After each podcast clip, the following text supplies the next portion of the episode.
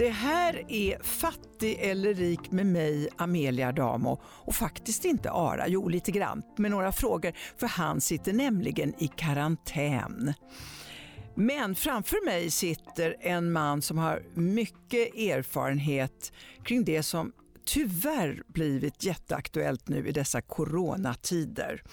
Ekonomin stannar av, eh, företag klappar ihop, folk förlorar jobb och då är det ganska lätt hänt att man går dit man snabbt kan låna pengar. Och det vet Tony Irving väldigt mycket om. Tony Irving, väldigt framgångsrik från Let's Dance, kan man väl säga var väl mindre framgångsrik under ett antal år och då, det ska du berätta lite grann för oss. Eh, det har väl aldrig varit så viktigt att prata om skuldsättning som just nu, eller vad säger du Tony? Och jag tror situationen vi har just nu, det vet vi alla, är unik. Men att ha ekonomiskt problem har hänt många och de flesta. Och som med alla ekonomiska problem, anledning bakom i slutändan blir inte så viktig. Det blir hur man tar sig ur den som är viktig. Precis. Hur man blickar framåt, hur man hittar lösningar, både traditionella lösningar och kreativa lösningar. Och mm. de största problem vi har just nu ligger i uh, kan man säga småföretagarna men också hemma hos i vardagsplanbok för alla privata personer. Just det, men innan vi berättar om hur du kom ur en ganska rejäl mm. kris mm. får man väl säga, med två konkurser bland annat, så måste vi liksom backa bandet och eh, hur började det? Well, jag brukar säga så här, min konkurs var det bästa som har hänt mig. För jag har fått nollställa mitt liv. Men att hamna i den var det värsta som har hänt mig.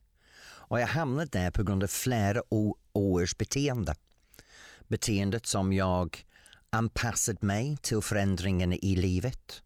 För varje förändring så tog jag med mig de fasaderna som förväntas med de utvecklingar. Men kan vara lite konkret, det som hände var alltså att plötsligt fick du pengar? Uh, plötsligt fick jag pengar men också status. Ja. Ego, min ego, jag blev känd. Mm. Och jag hade spenderat flera år i en idrott och konst som är relativt känd fattig. Så vi dans, fått dans, dans, vi fått aldrig ja. uppmärksamhet. Nej, det här var, det var liksom innan Let's mm. Dance brakade loss. Mm. Ja, jag menar som en person som var svensk mästare i en idrott som fått ingen medial uppmärksamhet. Plötsligt så blev det medier mm. runt omkring mig. Och, då var, och röda mattor mattor. det var röda mattor, det var VIP-fester. Mm. Jag gick från att köpa öl för 20 till 25 kronor till att köpa en flaska champagne för en, en drygt tusen över som det var på den tiden spendera pengar för märkeskläder var förut så be, be, uh, köpte jag för det mesta second hand. Så den, den förändring i mitt liv var som natt och dag och jag blev euforisk mm. över den här förändringen. Tyckte att jag hade rätt till allting som kom med det. Så för varje statusförändringen så ställde jag lite mer krav för mig själv. Jag ska flytta till en ny bostadsområde. Jag ska köpa lite större bilar. Och då, då kom pengarna in. Då fanns det liksom, då var en liten flod med pengar. Ja, pengarna kom in. Då kom pengarna in. Men jag du, satt ingen buffert. Nej, och du var ingen sparare. Nej. Nej, för du kände att det här är jag värd efter alla dessa år jag har slitit i, i, i kulisserna med dansen här. Oh jo, jag trodde jag hade rätt till allting. Bjöd dem på gratisfest, jag hade rätt att vara mm. där. Mm. Var det fest var jag vi vaskade lite champagne, då hade vi rätt att göra det, för så gjorde man i det här samhället. Ja. Men du, var det ingen som tog det i örat? Mamma, pappa, visserligen bodde de i England, men ändå, var det ingen som sa Hold your horses, Tony. Och det var vänner, mina sanna vänner försökte uh, få mig att se min beteende. Mina föräldrar, min syskon. Men jag bröt kontakt. För jag såg det som, de är kvar var jag var. De har ingen aning vad händer i mitt liv, de är avundsjuka. Um, jag hade alltid anledningar för att skapa en ny umgängeskrets. För varje gång jag tog mig i en annan riktning så skapade jag en ny umgängeskrets var alla i den krets gjorde precis som mig. Så jag var helt normal i min Tyckte beteende. du då? Ja. ja. I förhållande till de som jag umgicks med. Ja, hörru, jag tror att det var i ditt sommarprogram som du eh, berättade rätt tydligt att du var besatt att vara kändis? Oh, besatt är en relativt mjukt ord också. Okay. För eh, det var det här fas var jag gick in 50-60 gånger kollat på social media. Hur många likes har jag nu? Kollat på tidningarna för att eh, spara tidningsklipp för att se varje gång mitt namn kom upp. Googlat mig själv två, tre gånger per dag för att se vad har kommit upp på Google. Och när det var en dag som ingenting hände där, så blev jag jättedeprimerad. För, för jag byggde mitt liv runt att vara uh, en offentlig person. Men inte nödvändigtvis en person med kvalitet. Nej, jag förstår det. Men du, hur brakade denna fantastiska värld, det fanns ju ändå pengar att tillgå. Hur brakade det ihop? Vad var det, det som hände? Det som hände det var jag öppnade min första dansskola i Sverige 94 och jag byggde upp min dansskola, sen hade jag två dansskolor och sen när Let's Dance startade så träffade jag någon som förslog att jag borde göra en franchise. Och tillsammans, Ska du förklara vad det är? Franchise är var man bygger ett koncept um, och bygger dansskolor över hela landet. Ja, och de får lov, mot att de betalar dig så får de heta Tony ja. Irving. Ja. Så vi, vi öppnade tre dansskolor själv som var vår flaggskepp. Vi etablerade en franchise-system och den här personen tog över ansvar för hela bolaget och jag skulle låtsas och, och, och bygga eller leka med att vara kändis Tony Irving för att bygga varumärken. Och sen levde jag för den pengar som jag kände från saker som Let's Dance och du och, kunde inte så mycket om ekonomi, du kunde nej, inte genomskåda den här mannen, du litade jag på honom. Jag litade på honom helt och hållet för jag kan sätta mina fötter på dansgolvet och trilla runt och, till lite musik. Men affärsman var jag inte. Nej. Och jag trodde att det här personen som kan sin sak, men sen försvann han uh, med pengar från bolaget. Han försvann och dina pengar? Ja, pengarna försvann. Och då satt jag i en situation var Eh, rektorn för min skola i södra Sverige kontaktade mig och sa att vi står här och det står på dörren stängt tills vidare. Vad har hänt? Jag hade ingen aning. Gick till skolan i Stockholm, det var samma sak på dörren. Och det var då det kom upp för mig att han eller situationen har blivit, vad händer?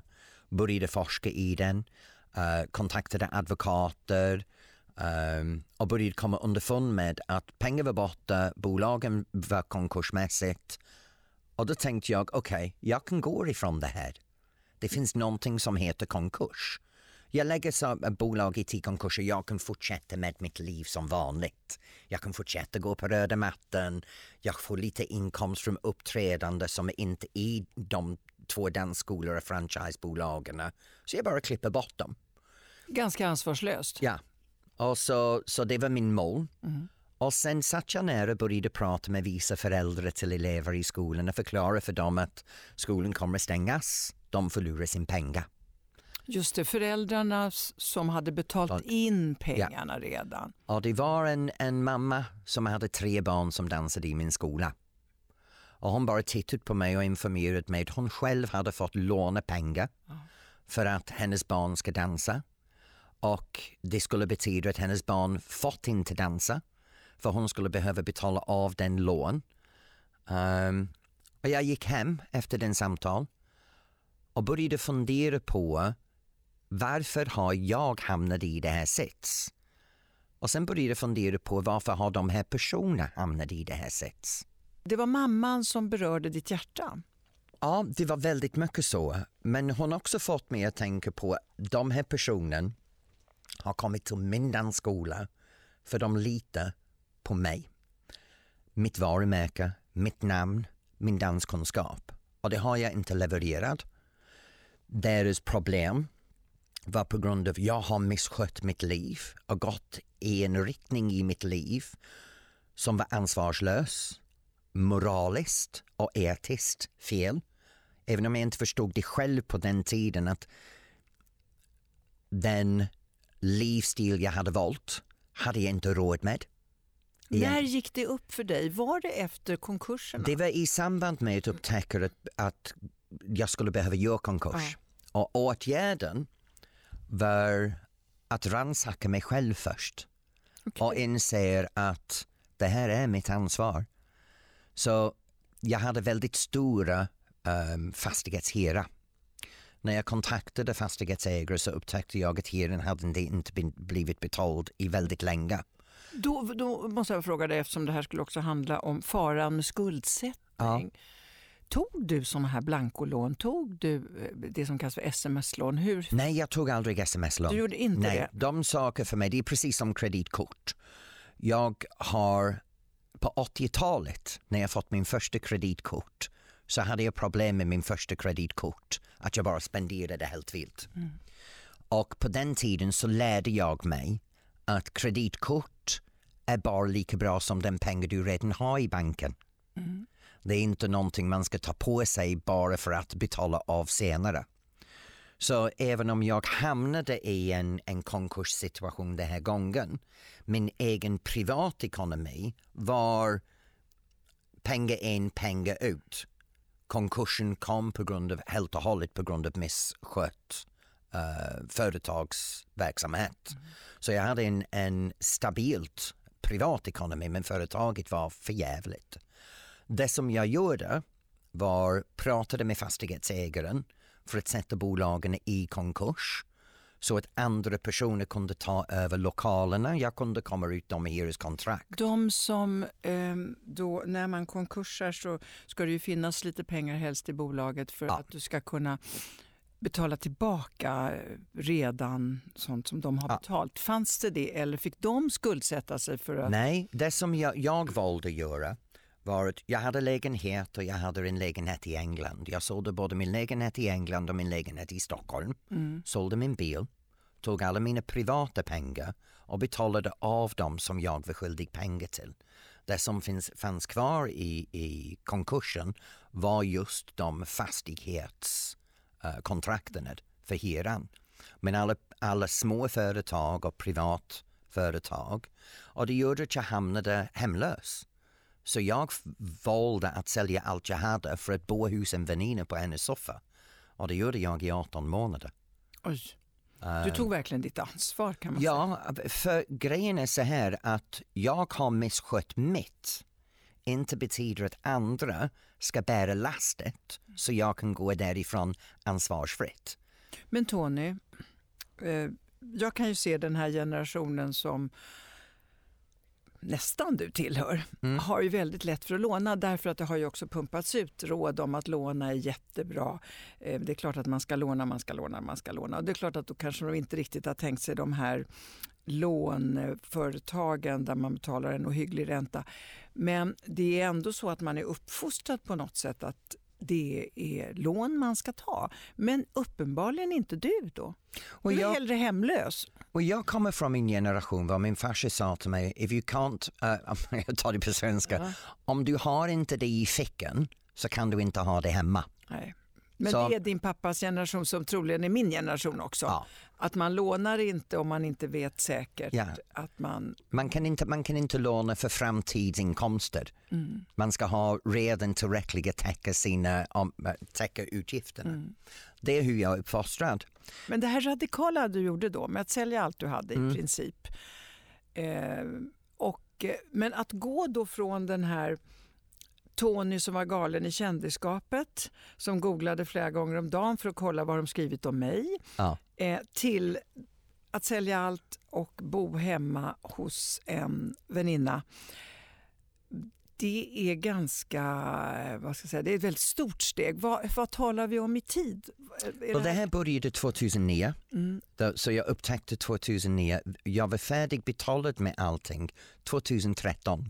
Så i fyra, fyra år. år. Bodde du på soffan hela tiden? Nej, 18 månader bodde jag på soffan. Jag Sen uh, två vänner till mig uh, hjälpte mig, eller övertalade mig att flytta ifrån Stockholm. Mm. Uh, och jag flyttade till Nyköping mm. där jag hittade en mentor. Jag hittade en person som var företagsägare som ställde upp och mentorade mig. Jag hittade en ny manager uh, för mig som artist och då var det Mattias Andersson från Lyxfällen. Men han bor också där? Ja, ja. i så Nyköping. Ja. ja. Så Mattias och Kristina, min, min företagsmentor, de tillsammans tog mig under sina vingar och sa okej, okay, för att du har gjort de här drastiska åtgärder. Så Hur kan... hittar man en sån då? Om man nu hamnar i skiten som du gjorde. Mm. Nu är du i och för sig i artistvärlden och de är ju artistekonomer eller vad man ska mm. säga. Så det var väl kanske där du hittade, men det här är ju ganska bra råd ändå. Det du gör det är att du ser till att du går till någon form av expertis. Och Kristina var en ren slump. Kristina och jag träffades när jag gjorde en uppträdande. Vi hade en samtal efter jag var på scenen. Sen fortsatte vi att prata uh, en annan gång. Jag var på en annan uppträdande och så erbjöd hon sig, för hon hade hört vad jag hade gjort med att göra mig själv hemlös för att betala av allting. Och hon sa att du har gjort det som är rätt för dig. Vill du ha hjälp att bygga saker upp? Vill du ha råd? Så hon började förklara för mig en sätt att se på mitt liv. Eh, um, Mattias började förklara för mig ett sätt att se på min ekonomi. Tillsammans så rådgav de mig hur jag ska se på företagsamhet. Och sen började jag återkoppla till mina rötter. Som danslärare, de bästa lektioner jag har är när jag står på golvet själv och ger ut lektioner. Det är inte när jag tjänar pengar på någon andras arbetsinsats. Och då började jag förstå att det som jag har är min egna färdigheter. Jag ska bygga min framtid på mig själv. Vad kan jag göra? Inte hur kan jag tjäna pengar av andra? För allt det här med att bygga mitt bolag var baserat på att jag var beroende av andra för att tjäna pengar så att jag kunde tjäna pengar. Istället för att säga om jag gör det här uppdrag, om jag har en klass, om jag går ut och gör en show, då kan jag ta betalt för den jobb jag kan göra. Så jag blir en dansprofil för att jag faktiskt kan dansa.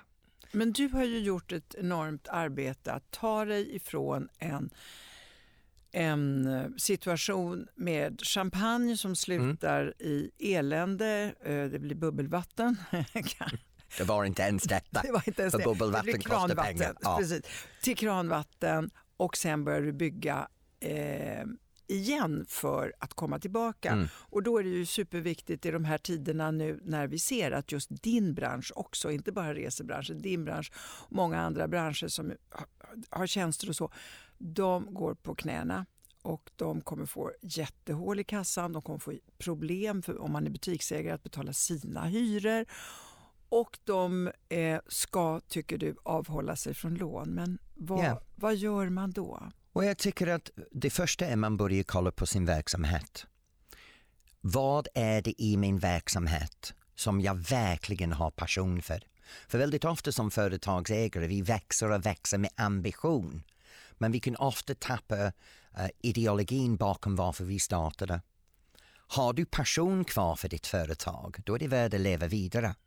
Men har du inte passion kvar för ditt företag och du driver vidare en bolag som går dåligt bara för att du har kommit i en beteendemönster vad du ska kämpa för att få det att bli bättre då är det fel inställning, då, det, då kommer det inte leda någonstans. Och då måste man lära sig att säga när ska jag säga stopp? För det mer man försöker få ett bolag att överleva som går dåligt, det mer skulder man tar på sig. Det mer stress man tar i sitt livet, det mer ohälsosamt blir din beteende och din psyke. Och det svårare det blir för att ta dig ur den här dåliga situationen. Ja, apropå lån så var det eh, nyligen som Svenska Dagbladet hade tittat på de här influencers som gör reklam för delbetalningar. Och så såg de också att flera av dem som hade gjort eh, reklam för att ta oavsett om det var Lendo eller Klarna eller vad det nu var för någonting, så hade de själva inte gjort det. Men de förde ut det budskapet och de har ju många följare, de är i många kanaler och eh, det blev då en viss reaktion. Har du gjort sånt? Well, jag har gjort reklam men jag har gjort reklam baserat för produkter som jag själv är involverad i på en ekonomisk sätt så att det står för en viss värdering. För jag jobbar nu utifrån en vad vi kallar för lifestyle of health and sustainability. Så det är LOHAS koncept. Jag jobbar bara med ekologiskt, uh, recycled, återvunnet och där kan jag jobba. Uh, men jag jobbar tvärtom. Jag jobbar för att folk ska inte skuldsätta sig, inte ta för sig större hus, inte ta för sig nya bilar. Man ska återvinna. Mm. Um, Hur ser du på det här då? Har du någon åsikt? Well, det går en, en tunn linje som när man är kändis, jag relaterar till man får inbjuden för massor med saker hela tiden. Du kan få det här pengar om du gör det här reklam. Om du ställer upp för det här så får man säljer sig själv för pengar.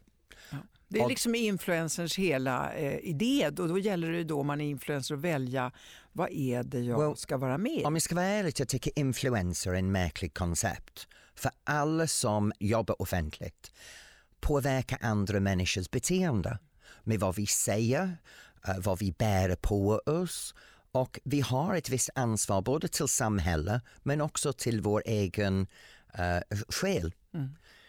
Men det är, det är en ansvar som kommer med detta att uppmuntra folk till att uh, skuldsätta sig. Att låna pengar för att ha någonting egentligen. Det är ett farligt område. Jag tänker det, det, det är uh, under all kritik om jag ska vara ärlig. Att som individer vi, vi säger jag har lånat det här men egentligen du behöver inte låna det här. Men, kanske, men om du behöver, men det är ju ofta som man tar de här lånen inte för att betala sin hyra utan det är för konsumtion. Mm. Och då måste man ju i sådana fall eh, kunna hålla igen konsumtion. Men jag skulle bara vilja gå tillbaka till... Kan, kan jag kan bara inflika mm? med en sak? Yes, för det finns yes. en liknande jag gjorde och det här var innan konkursen. Jag vill ha hårtransplantation. Så jag gick till ett bolag och jag säger... Hårtransplantation? Jag vill ha hårtransplantation, det är relativt dyrt. Mm. Så jag vill ha att du ska göra det gratis på mig. Mm. I utbyte du kan filma det och lägga filmen ut. Mm. Så jag låter dem filma, jag fått min gratis hårtransplantation, filmas pumpas ut över media. Jättegrej, jag blev jätteglad. Men sen plötsligt kommer folk till mig och säger jag vill göra det, har blivit så bra resultat, du har så bra hår.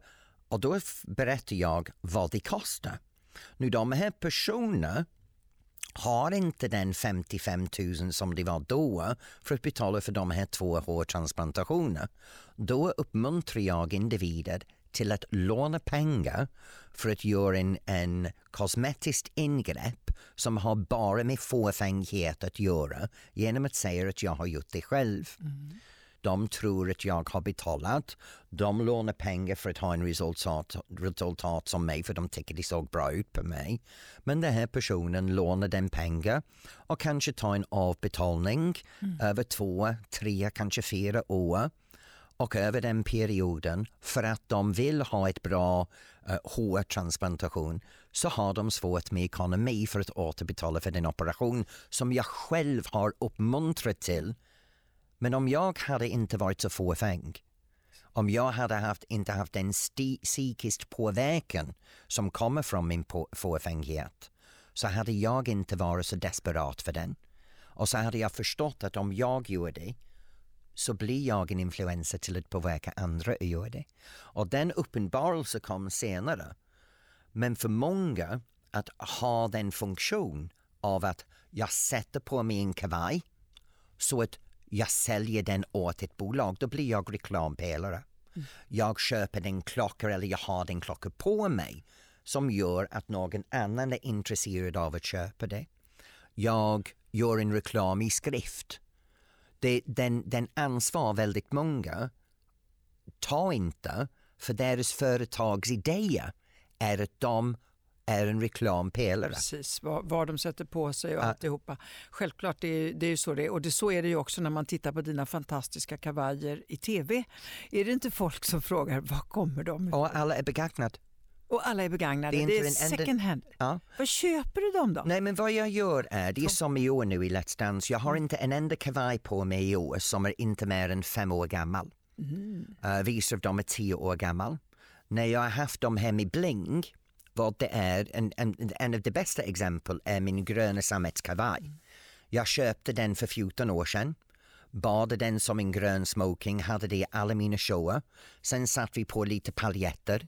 Sen satt vi på massor med broocher. Så varje gång blir det återvunnet. Så kavajen kommer tillbaks i en nyanpassning. Så jag har 45 kavajer hemma. Och hela tiden så tar vi ut, ser in dem, om jag är smalare, släpp ut dem om jag har blivit fett igen, sätter på några paljetter och anpassar. Så det här är vad jag gör, så att jag köper en ny kavaj händer men väldigt, väldigt sällan. Men du har blivit extremt ekonomiskt medveten av dina smällar, eller din smäll, det var väl en stor smäll? Jag tror att det inte att jag var ekonomiskt medveten, blev, jag förändrat mitt liv. Mm. Medvetet. Medvetet. Medvetet, ja. Medvetet. Det, och, och det är där vi är idag. Mm. Och så kom kärleken också va? Oh jo. Ja. Det, men jag hittade tillbaka till min sanna jag. Ja. Och då för, för, fasaden och falskhet och fantasivärlden var borta. Mm.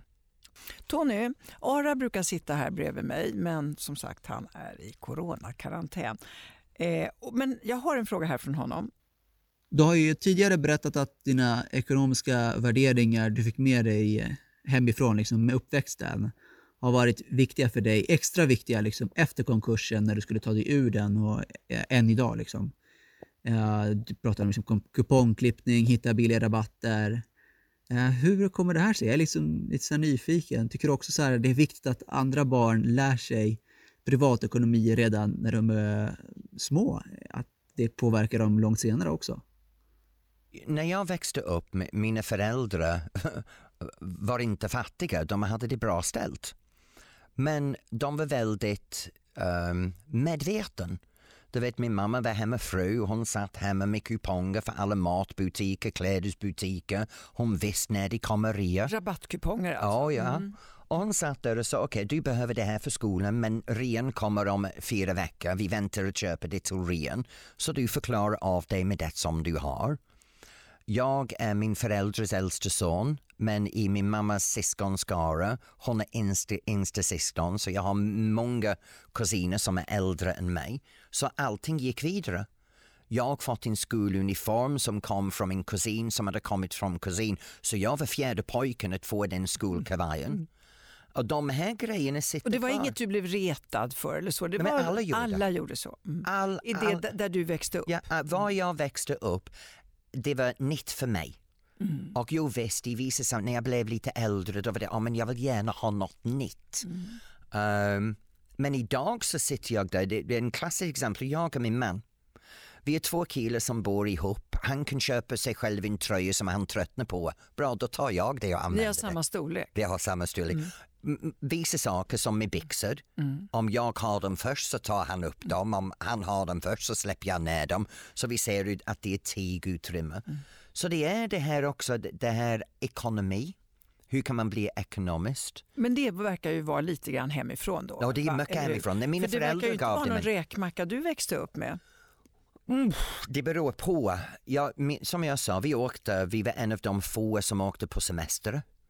Um, föräldrar hade bra bilar, pappa hade egen företag. Kaviarmacka med andra ord i alla nej, fall. nej, så var det inte. Men det var en bra medelklass mm. engelskt uh, ut på landet samhälle.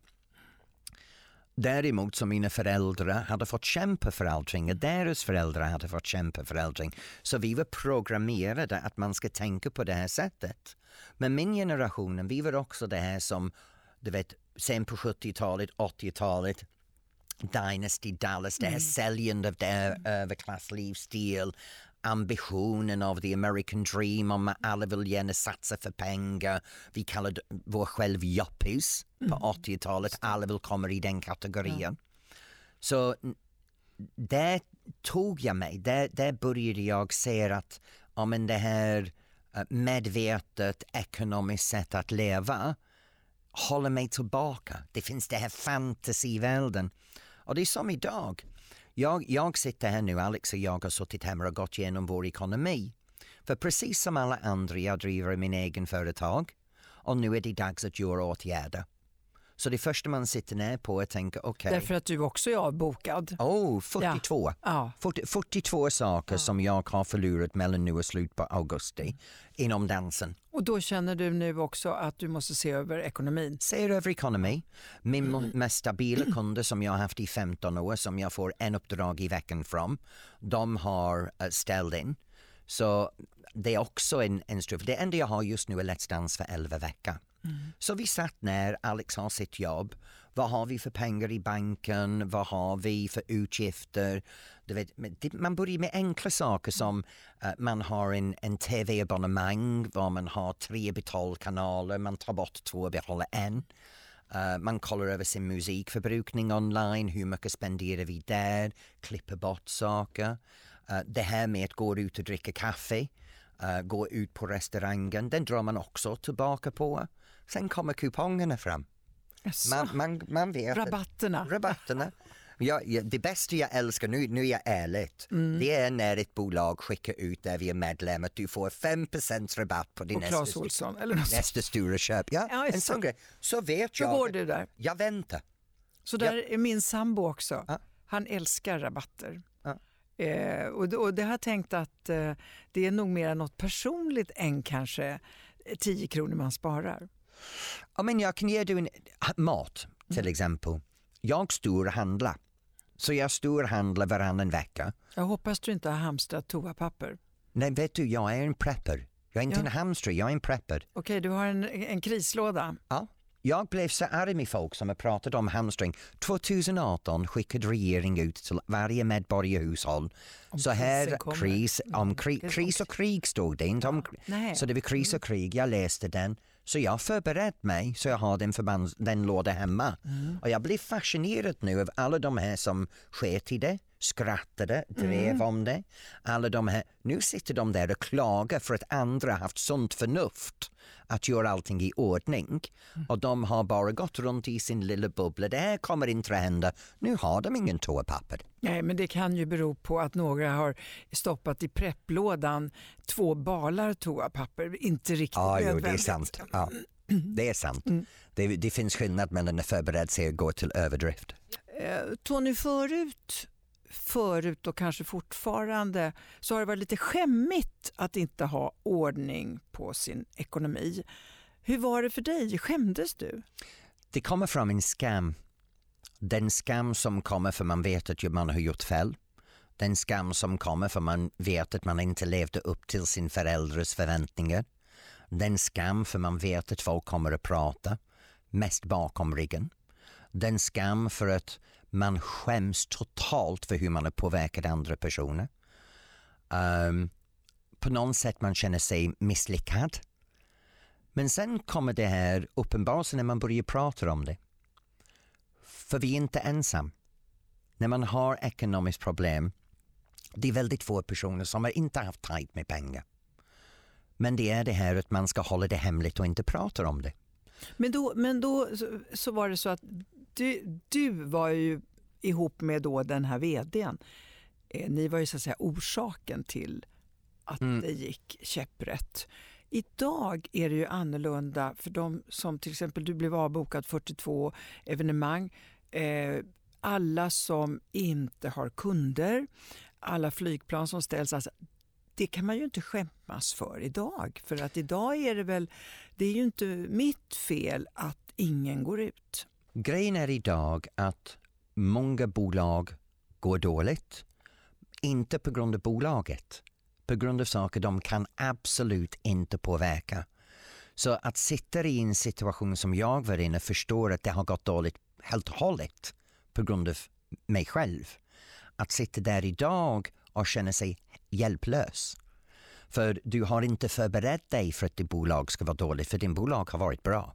Nej, det här är ju yttre omständigheter ja. som knäcker eh, småföretagare mm. och andra. Men, Hela den här gigekonomin. Men heller samma sak hemma. Du vet, två personer jobbar hemma, man planerar inte att varslas. De här bolagen varslar folk över hela landet. Folk jobbar hemifrån, tar mindre i sin lön. Ingen, ingen medborgare i Sverige eller i världen har planerat för det här. Mm. Så dålig ekonomi tror jag är någonting vi behöver vara öppet om. Vi behöver vara förståndligt om, för vi alla kommer att vara i samma sits. Det är någonting vi behöver vara, prata med varandra om och kunna få säga. Mm. Vet du, jag har det svårt. Men det är som, som Alex och jag, jag vet inte på Alex och jag, vi har sett över allting, vi har sett vår ekonomi, vi har planerat hur vi kan överleva varje månad under en längre period. För grejen är, det här händer nu och vi alla pratar om kanske det blir över i maj, kanske det kommer efter sommaren. Självklart kanske vi får kontroll över coronasituationen. Men konsekvenserna, den kommer att vara med oss länge. Så vi behöver se över vår ekonomi så att vi kan sköta oss själva på en, en längre tid. Och just nu det blir väldigt mycket ropande efter regeringshjälp. Det blir väldigt mycket ropande efter att få en ändring i bankens agerande. Det blir för företag, det kommer bli påverkan för fastighetsägare.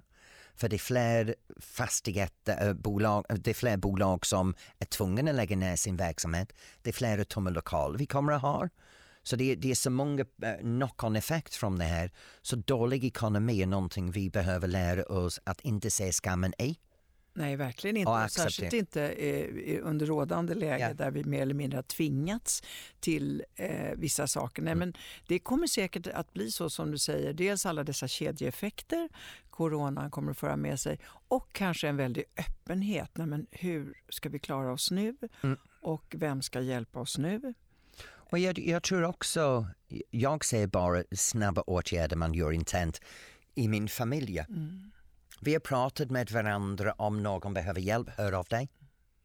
Du vet, jag har det här, du har det här. Vi vet att vi finns där för varandra, för det är i familjen man börjar. Så det, och sen är det vänskapskrets, man vet att det är enkla saker, det behöver inte vara ekonomiskt, det kan vara en kastrull. Mm. Jag behöver en kastrull, du har två, kan jag låna en av dig? Det, det, det är en, en ett sätt att göra att vi behöver inte... Det här låter som om eh, människan kan utvecklas till en väldigt solidarisk och kanske mycket trevligare person. Och jag tror vi kommer behöva lita på varandra. Vi kommer behöva söka hjälp av varandra. Staten kan inte lösa allting åt oss. För staten kommer att ha de stora övergripande. Vi kommer behöva lösa saker på grassrootsnivå i vår familj, i vår vänskapskrets och i vår grannskap och hjälps åt att se till att det funkar. Ehm, jag har en fråga till Tony från ARA. Ja. Hur ser ditt sparande ut? Har du någon buffert? Vad är din sparkvot på? Sparar du någonting i fonder? Efter allt du liksom har varit med om, eh, vågar du ta risk? Ja, på sätt och vis. Uh, Alex och jag har varit väldigt medveten sen vi träffades för Alex låg ekonomiskt lite framför mig för jag hade precis kommit upp i noll igen när mm. vi träffades. Så vi har sparat pensioner uh, och har gjort det aktivt. Men i bolaget så gjorde jag kapitalförsäkring. Mm. Så i de sista sex åren varje månad har jag lagt en lite pengar åt sidan. Så att skulle det komma en tid var jag får inte jobb så har jag en kapitalförsäkring att ta vara på tills jag får inkomst i bolaget igen. Så för att jag har sparat sex år så har jag en buffert um, som jag har frigjort som gör att jag kan ta en lön varje månad. Men sen är det också det här, mitt bolag gick bra förra året så jag har egentligen vad man kallar en aktieägarutdelning. Och aktieägarutdelning om man har ett små eh, aktiebolag eller eh, egen aktiebolag som jag har har jag valt att jag tar den aktieutdelning istället för lön. Mm. Det, är så, jätte, det är smart. Ja. Det är många, men du har en buffert för det har du lärt dig the hard way. Ja. Jag har en buffert, jag kommer inte att låna pengar. Um, men jag är i en unik situation för jag hade, en, hade konkursen så jag lärde mig från detta hur jag ska sköta mig och förbereda mig. Tony, det här har varit så intressant hur du har tagit dig upp igen och vad det var som gjorde att du också eh, blev en, ja, två konkurser fick mm. du på halsen. Eh, då till sist skulle vi ju förstås vilja veta kan du ge oss tre stycken råd att tänka på så man inte hamnar i skuldsanering? Ja, det första är, allt du ser behöver du inte. Vi ser överallt, reklam. Vi ser personer som har. Kliver tillbaka och, och verkligen säger jag behöver inte det. Jag behöver inte det. Jag behöver inte gå ut tre kvällar i veckan. Jag behöver inte ha, nu kommer vissa restauranger inte vara så glada för mig, för jag pratar min egen personliga ekonomi just nu. Jag behöver inte äta ute när jag kan laga mat själv. Jag behöver inte köpa den kavajen när jag kan sy tillbaka en knapp själv. Jag kan fixa min kläder och sy ihop hålen. Um, ehm, så jag behöver inte köpa. Så, så det, det, det är en sak när det gäller privata. När det gäller ett företag, det bästa är att säga om du är i en krisläge som småföretagare, vad du ska låna pengar för att överleva dig. Första frågan är, kommer jag att ha det här verksamheten i framtiden? För om, om den pengar du lånar kommer du att behöva jobba för att få betala tillbaka. Tillbaka. Och om bolaget redan är i en sits vad du behöver låna, antagligen kommer du inte hinna ikapp att betala tillbaka det. Så du skjuter bara problemet framför dig. Ta din hårdaste möjliga beslut nu och spara dig själv en väldigt lång uh, problem framöver som kan påverka din privatekonomi. Och sen det nästa, det enklaste är allt som du säger ifrågasätter varför gör den här personen detta. När du ser en reklam som har en kändis som står där framför och säger att lån det här, gör det här. Fråga varför gör den här personen det här? Vad är syftet bakom att de promotar det här? Har personen fått betalt? Tack Tony Irving och alla ni som har blivit nyfikna på håret, för att inte tala om kavajerna, så är det Let's Dance i åtminstone tio veckor till. Vi körde igång i fredags och nu kör vi tio fredagar framöver. Det ska bli jättekul och nu när jag tittar på framförallt kavajerna så vet jag vilket återbruk det är jag ser. Ja. Ja. Tack så mycket Tony. Tack själv. Du har lyssnat på Fattig eller rik med mig Aram Mustafa och med mig Amelia Adamo. Producent Gabriella Bode. Har du ett ämne du vill att vi ska ta upp eller så kanske du har en gäst du vill att vi ska ha med? Då får du gärna mejla in till redaktionen efn.se. Den här podden görs av EFN Ekonomikanalen. Ansvarig utgivare är Anna Fagerström. Vill du lyssna på någon av våra andra poddar? Sök på EFN där poddar finns.